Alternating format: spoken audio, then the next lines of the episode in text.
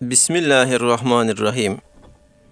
Kıymetli Erkam Radyo dinleyenleri, Yüce Rabbimizin selamı, rahmeti ve bereketi hepimizin üzerine olsun inşallah. Bir İlmihal Saati programıyla tekrar sizlerin huzurundayız. Ben Deniz Basri Çalışkan. Sizlerden bize gelen soruları İlmi Araştırmalar Merkezimizin değerli hocalarından Doktor Ahmet Hamdi Yıldırım hocamıza e, soruyoruz ve kendisinden cevapları istirham ediyoruz. Efendim sizlerden bize ulaşan birçok soru arasından e, bugün seçtiklerimiz var. Muhterem hocama ilk soruyu sormak istiyorum. Dinleyenimiz şöyle demiş. Rızık nedir? Çalışarak veya çalışmayarak rızık gelir mi? Elhamdülillahi Rabbil alemin ve salatu ve selamu ala Resulina Muhammedin ve ala alihi ve sahbihi ecmain. Tabi rızık meselesi Cenab-ı Allah'ın bütün yaratıklar için garantiye aldığını bildirdiği bir meseledir. Yani rızık yaşamak için ihtiyacımız olan almamız gereken gıdayı ifade ediyor. Ehli sünnet inancına göre boğazdan aşağıya giden bize yaşayabilmemiz için, hayatımızı sürdürebilmemiz için gerekli olan kaloriyi, enerjiyi veren yiyecek maddelerine, içecek maddelerine rızık deniyor. Bunun haram veya helal yolla elde edilmiş olması onun rızık olma yönünü değiştirmiyor. Biliyorsunuz haram derken iki türlü haram söz konusu. Bir takım haramlar var ki bunlar bizzat yeme içme noktasında haram olan şeylerin içerisinden bir kısım haramlar var ki bunların bizzat kendisi, doğası, tabiatı, karakteri haram olan şeylerdir.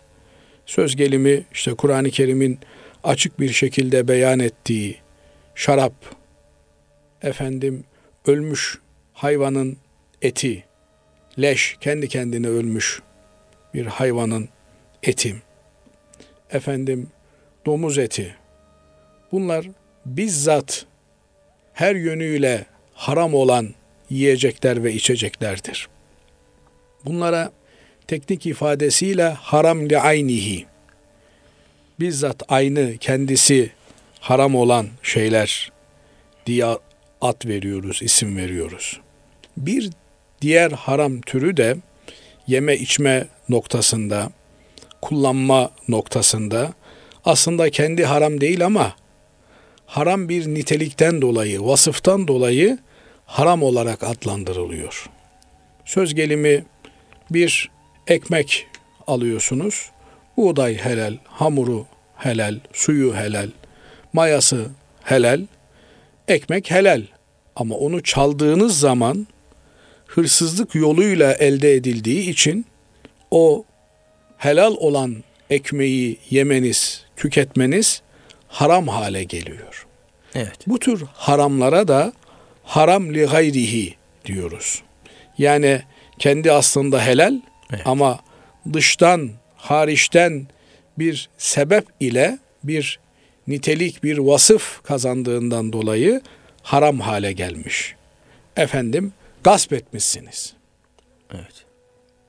Çalınmış, yağmalanmış mal. Bunlar kendisi haram olmasa da haram bir yolla elde edildiği için bunların tüketimi de haramdır. Fakat rızık dediğimiz şey boğazdan aşağıya geçen, insanın hayatiyetini devam ettirebilmesi için muhtaç olduğu bu yiyecek ve içecek maddelerine rızık diyoruz. Bunlar helal yolla alınmış olabileceği gibi haram yolla da alınmış olabilir. Olabilir derken bunların rızık olarak değerlendirildiğini ifade etmek istiyoruz. Elbette haram olarak alınan, gasp edilen, yağmalanan, çalınan bir malın hem dünyevi hem de uhrevi cezası vardır. Zaten İslam dinini, İslam hukukunu diğer beşeri, vaz'i hukuklardan ayıran en büyük özelliği İslam hukukundaki yaptırımların, müeyyidelerin, cezaların çift yönlü olmasıdır. Hem dünyada bir takım suçların cezası vardır, hem de ahirette cezası vardır. Bir takım suçların dünyada belki cezası görülmeyebilir. Mesela gıybet ediyorsunuz. Dünyalık bir cezası var mı? Yok. Ama gıybetin ahirete yönelik çok ağır cezası var. Dolayısıyla İslam hukukunda, İslam dininde yaptırımlar hem dünyevi yaptırımlar hem de uhrevi ahirette yaptırımlar olarak karşımıza çıktığından dolayı bir Müslüman kimse yokken bile Allah'ın kendisini gördüğünü, Allah'ın kendisinin yaptıklarından haberdar olduğunu bildiğinden dolayı çok hassas davranır. Hocam burada araya girmek istiyorum. Bildiğim kadarıyla, hatırlayabildiğim kadarıyla aynı suç için iki defa ceza olmuyor. Bu manada dünyada çekilen bir suçun cezası tekrar ahirette söz konusu olabilir mi? Tabii e, önemli bir noktaya işaret ediyorsunuz. Yani adam hırsızlık yapmış. Yaptığı hırsızlığı da itiraf etmiş. Evet. Dünyalık olarak cezasını görmüş. Evet. Binaenaleyh bu kimse ahirette tekrar bir ceza görecek mi? Ahirete yönelik cezalarımız, orada karşılaşacağımız muamele, tövbe ve istiğfar edilmemiş, pişmanlığı, nedameti gösterilmemiş olan suçlar ve cezalar içindir. Bir insan bir günah işlemiş, tövbe etmiş, pişman olmuş, nadim olmuş, bir daha o günahı işlememeye samimi bir şekilde karar vermişse, Cenab-ı Rabbül Alemin buyuruyor ki, Allah kendisine şirk, ortak koşulmasından, Allah'la beraber başka bir iktidar sahibinin varlığına inanarak Allah'ın otoritesini başkalarıyla paylaşanlar dışında yani müşrikler dışında her türlü günahı affeder diyor.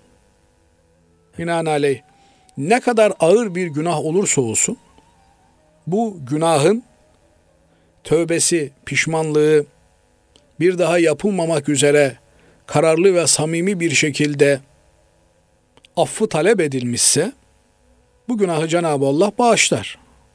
Bağışlayacağını bildiriyor. Elbette bağışlayıp bağışlamamak yine Cenab-ı Allah'ın takdirindedir. Evet. Fakat eğer bir suç başkalarına zarar vermişse, mesela birinin malını çalmışsanız, orada hem kul hakkına girmişsinizdir, hem de kamu hakkına, Allah hakkına girmişsinizdir. Binaenaleyh Allah hakkını af dilemekle, pişman olmakla belki telafi edebilirsiniz ama kul hakkı cihetini mutlak surette verdiğiniz zararı tazmin ederek, helalleşerek karşılayabilirsiniz. Mamafi insanlar yaptıkları suçları itiraf etmeliler mi? Bu da ayrı bir konu. Yani ben dünyada cezamı göreyim, ahirete cezam kalmasın diyerek yaptığı suçu itiraf etmesi gerekiyor mu bir kişinin? Efendimiz Aleyhisselatü Vesselam'a bu şekilde gelerek Ya Resulallah beni temizle şeklinde müracaat eden ve işlediği bir suçu anlatan kimseyi Efendimiz Aleyhisselatü Vesselam vazgeçirmeye, caydırmaya çalışıyor. Sen o suçu işlememişsindir, şunu yapmışsındır, belki böyle yapmışsındır, suç işlediğini zannediyorsundur diye caydırmaya çalışıyor. Dolayısıyla Cenab-ı Allah Kur'an-ı Kerim'de de Allah günahın, kötülüğün aşikar işlenmesini sevmez. Ayetiyle bir yanlış yapmışsak, bir günah işlemişsek bu günahı saklamamız, gizlememiz gerekir. Yine bir kardeşimizin bir günah işlediğini, bir yanlış yaptığını görmüşsek onu örtmemiz, saklamamız gerektiğini bu şekilde anlamış oluyoruz. Fakat eğer bir günah başkasına zarar vermişse, birinin hukukuna girmişsek, maddi manevi kaybına, zararına, ziyanına yol açmış isek, o zaman o kişiyle helalleşmek suretiyle ancak günahımızı veya işlediğimiz cinayeti telef edebiliriz. Mamafim tekrar rızık konusuna dönecek olursak kişiye tüketeceği rızık yazılmıştır. Binaenaleyh o yazılan rızkı tüketir bir insan. Peki Afrika'da efendim şurada burada açlıktan ölen insanlar zaman zaman görüyoruz, duyuyoruz. Efendim şunun şurasında 3-4 sene kadar önce Somali'de büyük bir kuraklık, afet, açlıktan toplu ölümler meydana gelmişti. Bu insanlar da Allah'ın kulları olduğuna, Allah'ın yaratıkları olduğuna göre bunların rızıkları da teminat altına alındığına göre Evet. bunlar nasıl oluyor da ölüyorlar diye bir sual sorulacak olursa bununla ilgili şunu söylüyor alimlerimiz. Bir insan kendisine tayin edilen rızık neyse onu alır. Onu almadan bu dünyadan göçmez. Kendisine takdir edilmemiş, tayin edilmemiş bir rızık ona nasip olmaz. Binaenaleyh ağzını açarsınız, suyu dökersiniz, boğazından aşağıya su gitmez eğer ona o suyu içmek yazılmamışsa, takdir edilmemişse. Peki ölümler, açlıktan ölümler, susuzluktan ölümler nasıl oluyor? Tabi deniyor ki insanlar aç ve susuz kalmalarından daha ziyade alışkanlıklarını adet haline getirdikleri şeyleri aynen uygulayamamaktan dolayı ölmektedirler. Söz gelimi ben işte günlük 2400 kalori almaya alışmışım. Günlük tükettiğim şeylerin toplam kalori miktarı 2400. Bu 2400 kaloriyi almadığım zaman bir gün, iki gün, üç gün, dört gün dayanabiliyorum. Ama bir haftadan sonra artık dayanamaz hale geliyorum. Vücut bu 2400 kaloriyi almaya alıştığı için birden stop ediyor ve bir takım arızalar ortaya çıkıyor. Buna bağlı da ölümler gerçekleşiyor. Deniyor ki kişi açlıktan değil, adetini alışkanlık haline getirdiği yemeği terk ettiğinden dolayı ölümle burun buruna karşı karşıya kalıyor. Yoksa bir insan bir hurma ile bir gün hayatını idame ettirebilir. Tarihimize baktığımız zaman ki günümüzde de Hindistan taraflarında işte yoga ile uğraşanlar, mistik bir takım akımlarla uğraşanlar, tasavvufi anlamda riyazat terbiyesine girenler. Bunlar az yemek, az konuşmak, az içmek üzere bir programa dahil olduklarından bakıyorsunuz bir zeytin ile bir gün, iki gün kendini idame edebiliyor, hayatiyetini devam ettirebiliyor. Demek ki bir insan bir zeytinle bir gün yaşayabiliyor, bir hurma ile bir gün yaşayabiliyor. Ama envai türlü yemekleri yemeye alışmış olan ben böyle bir şey yapayım desem 2-3 gün sonra vücut iflas ediyor.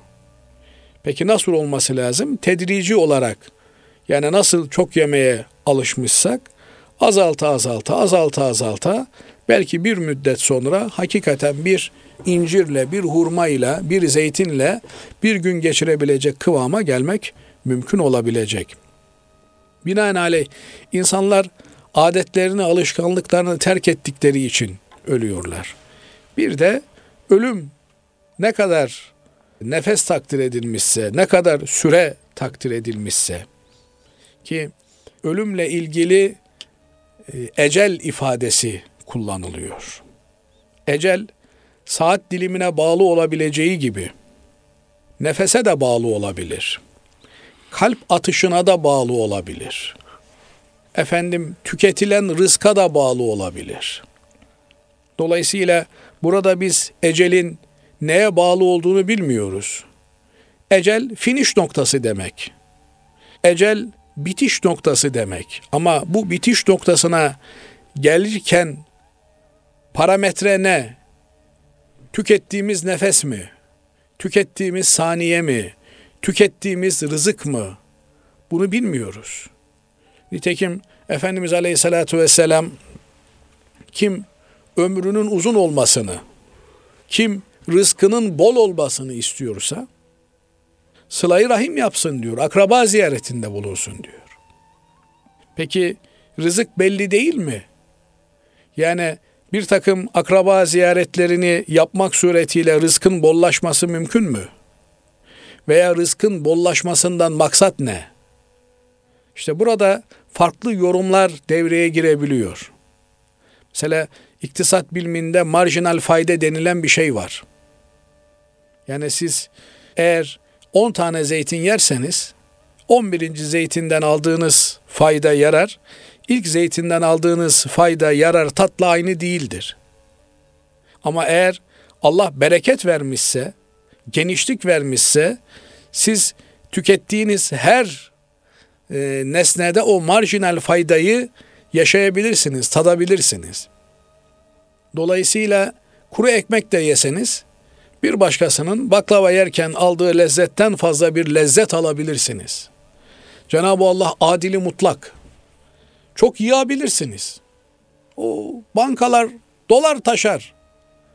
İşte Karun'un servetini Kur'an-ı Kerim tasvir ederken güçlü kuvvetli 10-15 kişi servetinin anahtarlarını taşımakta zorlanıyordu diyor. Büyük servet var. Peki büyük servet var da tüketim ne kadar? Bir birey olarak, bir fert olarak, rızık olarak aldığımız günlük 2000-2400 kalori bunun üstüne geçtiğin zaman vücut mekanizması zarar görüyor. Dolayısıyla üretimde, toplamada farklılık olsa da tüketimde Cenab-ı Allah hepimizi eşit yaratmış. Yani kral çocuğu diye bir kralın bebeğine işte çok lezzetli baklava vereyim desen çocuk ölür. Evet. Kralın çocuğu da aynısını alıyor. Affedersiniz çöpçünün çocuğu da aynısını alıyor. Aynı gıdayı, aynı sütü alıyor. Binaenaleyh Cenab-ı Allah bizi tüketimde eşit yaratmış. Peki bu rızık çalışarak mı gelir? Çalışmadan da gelir mi? Rızık çalışarak veya çalışmayarak gelir. Bakın en büyük rızık nedir biliyor musunuz Vasili Hocam? Nedir hocam? Aldığımız havadır. diye bir nefes çekip hava alıyoruz ya. Evet. En büyük rızık budur. Onu almasan Tabii. vücut denilen bu makine çalışmaz. Parayla mı alıyoruz havayı? Çalışarak mı alıyoruz? Bedava. Bedavadan Cenab-ı Allah veriyor. Evet. Hatta çalışarak, çabalayarak sağlıklı olan, sağlam olan havamızı bozuyoruz. Evet. İşte Çin'de turuncu alarm vermişler. Hava kirliliğinden işte yaşlıların, çocukların sokağa çıkmaması. Bu hava öyle bir şey ki evin içerisinde de ona ihtiyacın var ve giriyor engelleyemiyorsun. Tabii. Yani dolayısıyla biz çalıştıkça, çabaladıkça aslında tabii dengeyi maalesef bozuyoruz. Onun için ayet-i kerime diyor ki yeryüzünde yozlaşma, dengesizlik insanların ellerinin kazandıkları neticesinde ortaya çıkıyor. İşte ekolojik denge bozuluyor diyorlar. Egzozlardan yapılan salınımla karbondioksit oranı artıyor. Havanın temizliği bozuluyor. Halbuki Cenab-ı Allah havayı herkese eşit miktarda vermiş. Binaenaleyh rızık da çalışalım çalışmayalım bize gelir. Ama Cenab-ı Allah Kur'an-ı Kerim'de ve en leyse lil insani illa ma sa'a. İnsan ancak çalışıp çabaladığının, gayret ettiğinin karşılığını bulur Evet. diyor. Dolayısıyla bir gayretin, bir çabanın olması gerekiyor. Cenab-ı Allah bunu birbirine rapt etmiş, dengelemiş. Ama asıl bizim yeryüzündeki varlık sebebimiz Cenab-ı Allah'a ibadet. Bu ibadet görevini yerine getirmek için yaratılmışız. Ayet-i kerimede ma uridu minkum min rizqin ve ma uridu en yut'imun. Ben sizden bir rızık istemiyorum. Beni doyurmanızı istemiyorum diyor Cenab-ı Allah. Kimse kimseyi doyurmak gibi bir göreve de sahip değil. Nitekim çocuklarınızı rızık endişesiyle öldürmeyin derken Cenab-ı Allah nahnu nerzukukum ve iyyahum. Size ve onlara rızık veren biziz diyor. Yani gökten yağmuru yağdıran kim? Bakın bugünlerde İstanbul barajlarında su oranı yüzde otuzlara kadar düşmüş diyorlar. Eğer bereketli bir kış geçmezse ne demek bereketli kış? Bol kar, bol yağmur, Evet. böyle bir kış mevsimi yaşayamazsak önümüzdeki yaz kuraklık var deniyor. Yağmuru indiren kim? Karı yağdıran kim? Allah. He, o barajlarda biriken suyu iski parayla satıyormuş. O iskinin sorunu. Allah suyu bedava olarak yine bizlere vermiş durumda. Evet. Yani insanlığın ortak olduğu değerler var. Üç şeyde insanlık ortaktır diyor Hazreti Peygamber Efendimiz. Su da ateşte ve otta ortaktır diyor. Yani insanlar serbest bir şekilde hayvanlarını otlatabilirler. Serbest bir şekilde su kaynaklarını kullanabilirler. Senin ateşin varsa kardeşin senden ateşi istediğinde ben bunu parayla satarım diyemezsin. Şimdi de mesela sokakta giderken biri sizi durdurur. Abi ateşin var mı der. Gerçi onun maksadı e, ateşi kötü bir şeyde kullanmak ama yani burada da anlaşılıyor ki demek ateş parayla satılabilecek bir şey değil. Evet. Binaenaleyh temel noktalarda Cenab-ı Allah dengeyi herkesin rızıklanabileceği, istifade edebileceği bir şekilde kurmuş. Yani en Ama- değerli şeyler hocam bize bedava sunuluyor. Evet ama eğer yeryüzünde aç bir insan varsa, yeryüzünde fakir bir insan varsa, emin olun ki öyle diyor alimlerimiz, selef alimlerimiz, emin olun ki onun karşılığında onun hakkını yiyen, ona ödemesi gereken ödemeyi yapmayan bir zengin vardır. Bir emperyalist kan emici vardır. Yani bir yerde bir aç varsa, Evet. bir yerde bir fakir varsa demek ki gelir dağılımında bir dengesizlik var demektir. Cenab-ı Allah zekat mükellefi kılıyor Müslümanların zenginlerini. Ve bu zengin Müslümanlar ödemeleri gereken zekatı fakirlere ödemekle memurlar. Kardeşim benim zekatım 1 milyon lira ben burada bekliyorum gelsin beni bulsun deme lüksü yok. Hadislerden anlıyoruz ki sırtına para çuvalını vuracak, kapı kapı dolaşıp var mı bir fakir, var mı bir yoksul, var mı ihtiyacı olan biri diye arayacak. E, aramazsa ve o borcu zekat borcunu fakire ulaştırmazsa zengin sorumlu olmuş olur. Sana kim dedi ihtiyacından fazlasını kazan? Eğer kazanacaksan hakkını vereceksin. E ben veriyorum gelsin alsın. Değil. Borcunu arayıp sahibini araştırıp ödemekle mükellefsin. Binaenaleyh çalışsak da çalışmasak da rızık bize gelir. Yalnız şöyle bir menkıbe müsaadeniz olursa Buyurun hocam. e, aradan önce e, anlatayım. Adamın bir tanesi madem demiş çalışsam da çalışmasam da rızık bana gelecek. Şurada harap olmuş bir tekke var. Oraya gideyim bekleyeyim bakayım demiş. Rızık gelecek mi? evet. Bir müddet beklemiş. O esnada da bir Müslüman işte bir tepsi börek yapmış. Ya demiş şu tekkede varsa bir fakir, fukara, gariban ona götüreyim de hediye edeyim demiş. Tekkenin içerisine girmiş. Hu kimse var mı diye seslenmiş. Bizim derviş de kenarda saklanıyor işte. Rızkın gelip onu bulmasını bekliyor. Evet. Adamcağız bir iki defa seslenip de herhalde kimse yok diye geriye çıkma pozisyonuna dönünce bizim derviş diye öksürmeye başlamış. Ben mübarek demiş seni soruyorum niye haber vermiyorsun? Demiş ki rızık demiş adama çalışmaktan da geliyor ama bir öksürmek gerekiyor demiş. Yani Evet. bir gayretin olması gerekiyor. Çünkü Cenab-ı Allah ancak çalıştığınızın, gayretinizin karşılığı sizi bulur diyor.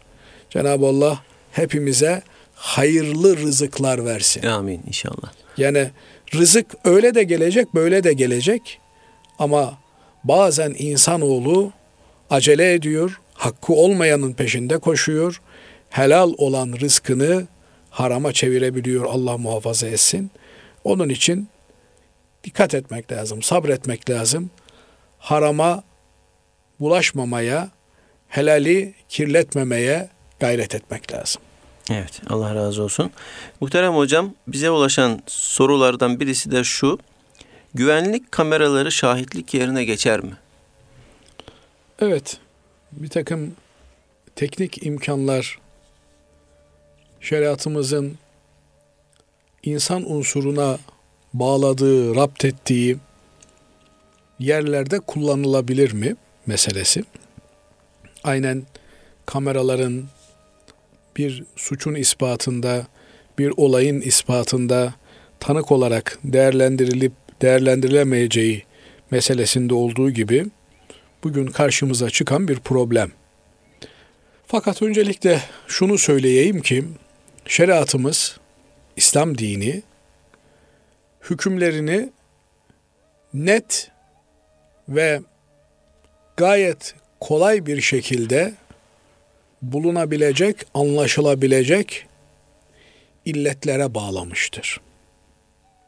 Binaenaleyh bir suçun ispatı için iki şahide gerek vardır.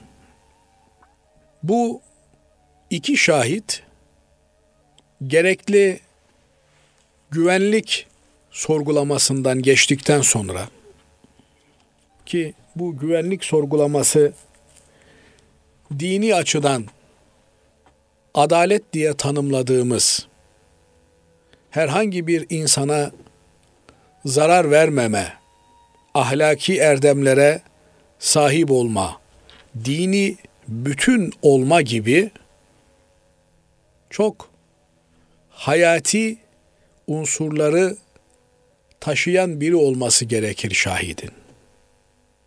Yoksa şahit demek iki çıplak göz demek değildir. Binaenaleyh şahitlikte olayı görmek var, kamerada görüyor. E kameranın gördüğü de şahidin gördüğü gibi kabul edilir denilemez. Çok enteresan hikmetler barındırır. Hükmün şahitlere bağlanması, irtibatlanması. Bakın mesele sadece suçun ispatı meselesi değildir. Mesele suçun ortaya çok zor şartlar altında bulunabilecek şahitlerle ispat edilebilecek şekilde görünür hale gelmesidir. Belki biraz zor bir cümle Kapalı kurdum. oldu hocam. Kapalı oldu. Evet. İzah edeyim. Evet. Yani suçun görünür hale gelmesidir tehlikeli olan. Şu anlamda söylüyorum. Bir hırsızlık vakası var. Türkçemizde güzel bir ifade var. Ne der? Bozacının şahidi Şuracı. şıracı veya şıracının şahidi bozacı olur.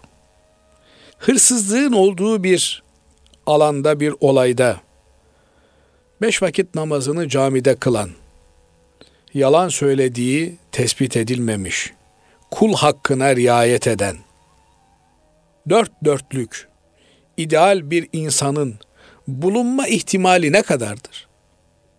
Suç mahallinde eşkıyasını, sarhoşunu, berduştunu, ipsizini, arsızını, uğursuzunu çokça bulabilirsin. Ama dört dörtlük ideal bir insanı ne kadar bulma imkanın vardır?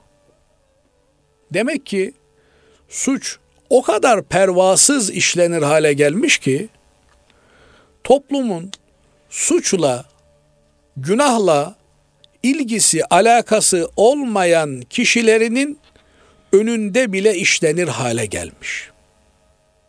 O zaman suça ceza tatbik ediyorsun. Bir defa kameraların konulması caiz midir diye ayrı bir soru sormak lazım. Evet. Yani şöyle bir şey söz konusu değil. Hırsıza tuzak kurmak. Hırsızı avlamak. Böyle bir tertip alamazsınız. Siz işte tevafuk eseri orada iki tane adil insan bulunuyordu. Hırsız da geldi. Onların orada olduğunun farkında değil. Kasayı zorladı. içinden paraları aldı gitti. Mahkemede de bu iki tane adil, dürüst, dört dörtlük insan biz oradaydık. O kadar kendinden geçmişti ki hırsız bizim varlığımızdan da haberi yoktu. Kasayı zorladı. içinden paraları aldığını gördük. Bu çok oluşması zor bir ihtimal. Dolayısıyla oraya koyduğun güvenlik kamerasının adamın kasayı açtığını, içinden paraları aldığını görmesi ancak harici bir karine olarak değerlendirilebilir. Kişiye itiraf etmesi noktasında bir baskı aracı olarak kullanılabilir. İşte bak bu kameradaki sensin. İtiraf et denilir. Yoksa eğer kabul etmiyorsa, itiraf etmiyorsa o kamerayla kişinin hırsızlık yaptığı ve hırsızlığa verilen cezanın tatbik edilmesi mümkün değildir. Ama hırsızlık cezası olmasa da farklı bir ceza uygulanabilir. Efendim işte haneye tecavüz cezası. İzinsiz bir mekana girme cezası. Vesaire bu tür basit ceza gerektiren şeylerde karinelerle harici yan delillerle karar vermek mümkün olabilir. Söz gelimi adamın evinizden çıktığını görüyorsunuz.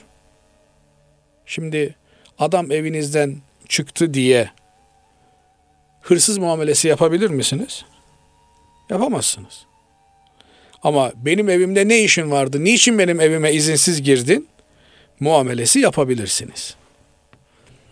Dolayısıyla şahidin canlı, kanlı insan unsuru olması gerekir. Diğer teknik imkanlar birer güçlü karine olarak kanaatin oluşmasına yardımcı unsur olarak değerlendirilebilirler.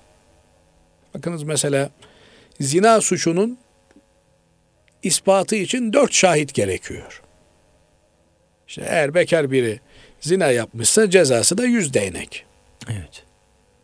Ama bir mal çalmışsa cezası elinin kesilmesi. Elinin kesilmesi mi yüz değnek mi? Hangisi daha basit bir ceza? Yüz değnek. İki günde acısı geçer. Yani o değnek dediğinizde bir baston vesaire filan değil. Esnek, vurduğunda fazla acıtmayacak. Zaten abanıp da vurma şansın da yok. Yani koltuk altı görünmeyecek. Elini fazla kaldırma imkanın da yok. Yani maksat adamın canını acıtmak, yakmak değil. Maksat toplum nezdinde adamın itibarını Evet. düşürmek. Hasılı kelam e, elinin kesilmesi mi yüz değnek mi? Yüz değnek daha hafif bir ceza. Ama öyleyken dört şahit gerekiyor. Üç şahit olsa ceza uygulanmıyor. Aksine şahitler cezaya çarptırılıyor. İftira attınız diye. Halbuki bir adamın idama gitmesi için iki şahit yeterli. Demek ki burada suçun ispatının ötesinde farklı bir mana bulunuyor. Binaenaleyh aranan şey suçun varlığından daha fazla suçun duyulur, görülür, konuşulur hale gelmesi meselesi. Bu noktaya yoğunlaşmak gerekiyor. Bu yüzden de bu tür teknik vasıtalar bir derece kanaat oluşmasında, kararın oluşmasında yan unsur kabul edilse de mesela farklı bir şey söyleyeyim size. Buyurun. Bugün DNA testi yapılıyor. Evet hocam. Evet. Yüzde yüz ispat edilmiş ki çocuk kadının kocasından değil de başkasından. Adam diyor ki çocuk benim ben çocuğumu istiyorum diyor. DNA testleri de biliyorsunuz yüzde 99 virgül 90 olarak yani kesin sonuç veriyorlar. Mahkeme ne karar verecek? O kadının kocası bu çocuk benim dediği sürece o çocuk o kocanındır. Koca sarışın, çocuk siyah, zenci fark etmez. Baba yani kadının kocası bu çocuk benim dediği sürece o çocuk onundur. İstediği kadar maddi veriler, deliller, DNA'lar, testler aksini ispat ederse etsin. Bu hükmen, Niye? hükmen mi böyle hocam yoksa Niye? niye? Çünkü Efendimiz Aleyhisselatü Vesselam diyor ki çocuk ev sahibinindir. Evet. Yani kadın kimin eşi ise onundur çocuk. Zina yapan kucağına taş bağlasın diyor. Yani zina yapan çocuğundan mahrum kalır diyor. Binaenaleyh burada açık bir şekilde zina yapan kişi Allah muhafaza etsin. Cenab-ı Allah bu günahları bizden, toplumumuzdan, bütün Müslümanlardan Amin. uzak eylesin. Bunlar yani toplumun vicdanını yaralayan cinayetten daha ağır şeyler. Evet. Ama netice itibarıyla maddi delil değil, burada şer'i hüküm geçerli. O adam, bu çocuk benim dediği sürece çocuk adamındır. Burada da bakıyoruz ki işte teknik veriye itibar edilmemiş. Bu teknik verinin bir benzeri zaten Efendimiz Aleyhisselatü Vesselam döneminde de mevcut. Yani başka bir mesele de kadının yargıcın müdahil olduğu olayda kendi bilgisiyle mi yoksa şahitlerin şehadetiyle mi karar vermesi gerektiği meselesi. Tarihte öyle bir olay yaşanmış. Hazreti Ömer Efendimiz'e biri geliyor. Hazreti Ömer Efendimiz adamın yüzde yüz haklı olduğunu bildiği halde aleyhine hüküm veriyor. Niye diyor benim aleyhime karar verdin diyor. Sen benim haklı olduğumu bilmiyor musun diyor. Diyor ki sen beni şahit yazsaydın ben senin lehine şahitlik ederdim diyor. Ama yargıç olarak bana geldiğinize göre diyor ben eldeki şahitlerin beyanlarına göre karar vermek durumundayım. şahitler de diyor senin aleyhine beyanda bulundular. Dolayısıyla burada şahitlik önemli. E, şahitlikle ilgili belki çok konuşulacak şey var. Ama kısaca bu tür e, teknik imkanlar yardımcı unsur olarak kullanılsa da hükme medar olabilecek kararın üzerine oturduğu temel deliller olarak kullanılamaz. Evet. Allah razı olsun. Diğer bir sorumuz şöyle hocam. İhtiyacı olup da namaz kılmayan, sigara içen akrabaya zekat verilebilir mi? Fakirse verilir. Elbette gönül namaz kılan, harama bulaşmamış, sigarası olmayan, içkisi olmayan bir kimse olmasını ister. Ama gizli veya aşikar harama bulaşmamış kimi bulabilirsiniz ki? Yani dil olup da o dilini gıybette kullanmayan çok nadir insanlar vardır. Binaenaleyh elbette e, araştırmak, olabildiğince dini, diyaneti sağlam kimselere vermek gerekir.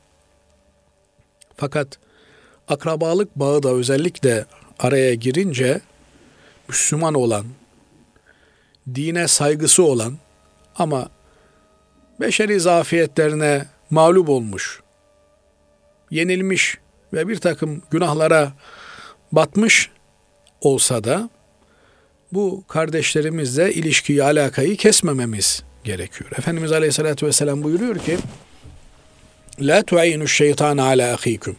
Kardeşinize karşı şeytana yardım etmeyin. Yani günaha batmış bir kardeşinizi siz de dışlarsanız şeytan onu hepten avucunun içine almış olur. Ama siz dinin gereği olan zekatı, efendim sadakayı götürür verirseniz o dindarlığını hatırlamak, dini hassasiyetlerini tekrar gözden geçirmek durumunda kalır. Aksi takdirde hepten Müslüman akrabalarıyla olan bağı, irtibatı kesilip hepten yanlış kimselerle teşriki mesaiye mahkum hale gelir ki onlarla oturup kalkmaya, yemeye içmeye mahkum hale gelir ki bu daha kötü neticeler doğurur. Yani memleketimizde nüfus kağıdında Müslüman yazdığı halde kelime-i şehadet nedir, nasıl getirilir bilemeyen zavallı kardeşlerimiz var. Dolayısıyla birer vesile, birer bahane bulup onlarla ilgilenmemiz gerekiyor. Bu açıdan dini inkar etmeyen bir kimseye ne kadar günahkar olursa olsun zekat verilebilir. Evet. Allah razı olsun. Muhterem dinleyenlerimiz, bugünkü İlmihal Saati programımızın da böylece sonuna ermiş bulunuyoruz. Bir dahaki hafta tekrar sizlerin huzurunda olmak dileğiyle hepinizi Yüce Rabbimize emanet ediyoruz. Hoşçakalın.